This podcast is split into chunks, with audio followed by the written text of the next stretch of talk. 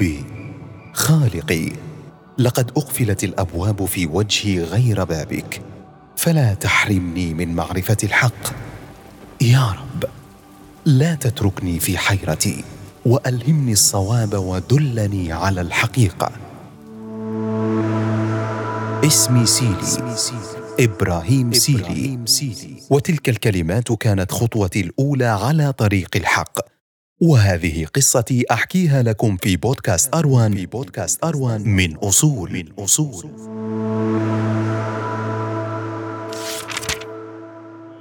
كنت من كبار المنصرين في جنوب إفريقيا والقارة السمراء. بدأ كل شيء بسؤال طرحه علي تاجر مسلم حينما قال من هو إلهك؟ وقد كانت إجابتي المسيح. نعم المسيح هو الإله. فتحداني أن آتي بآية واحدة في الإنجيل تقول على لسان المسيح عليه السلام إنه ابن الله وأن علينا عبادته.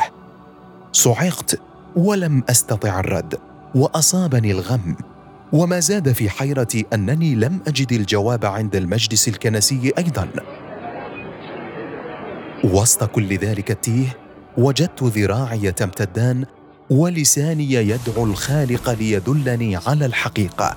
ثم غفوت ورأيت في المنام رجلا لم أتبين ملامحه. ناداني بإبراهيم اتبع هؤلاء لتعرف الحقيقة. فالتفت إلى يميني فرأيت رجالا يلبسون ثيابا وعمائم بيضاء. استيقظت وأنا أشعر براحة غريبة.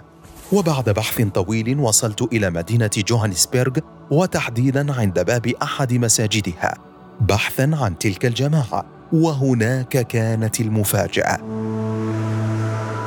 استقبلني رجل قائلا مرحبا إبراهيم لقد رأيتك في المنام تبحث عنا وعن الحقيقة والحقيقة هي دين الإسلام.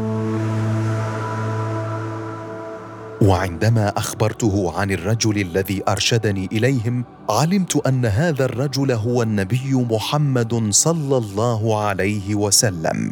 ففرحت بذلك ونطقت بالشهادتين. لا اله إلا الله أشهد أن وعلى أيديهم تعلمت الإسلام وكيف أكون داعيا إلى الله. كانت تلك قصة طريقي إلى الحق. الحق الذي أراد الله ورسوله لي أن أصل إليه.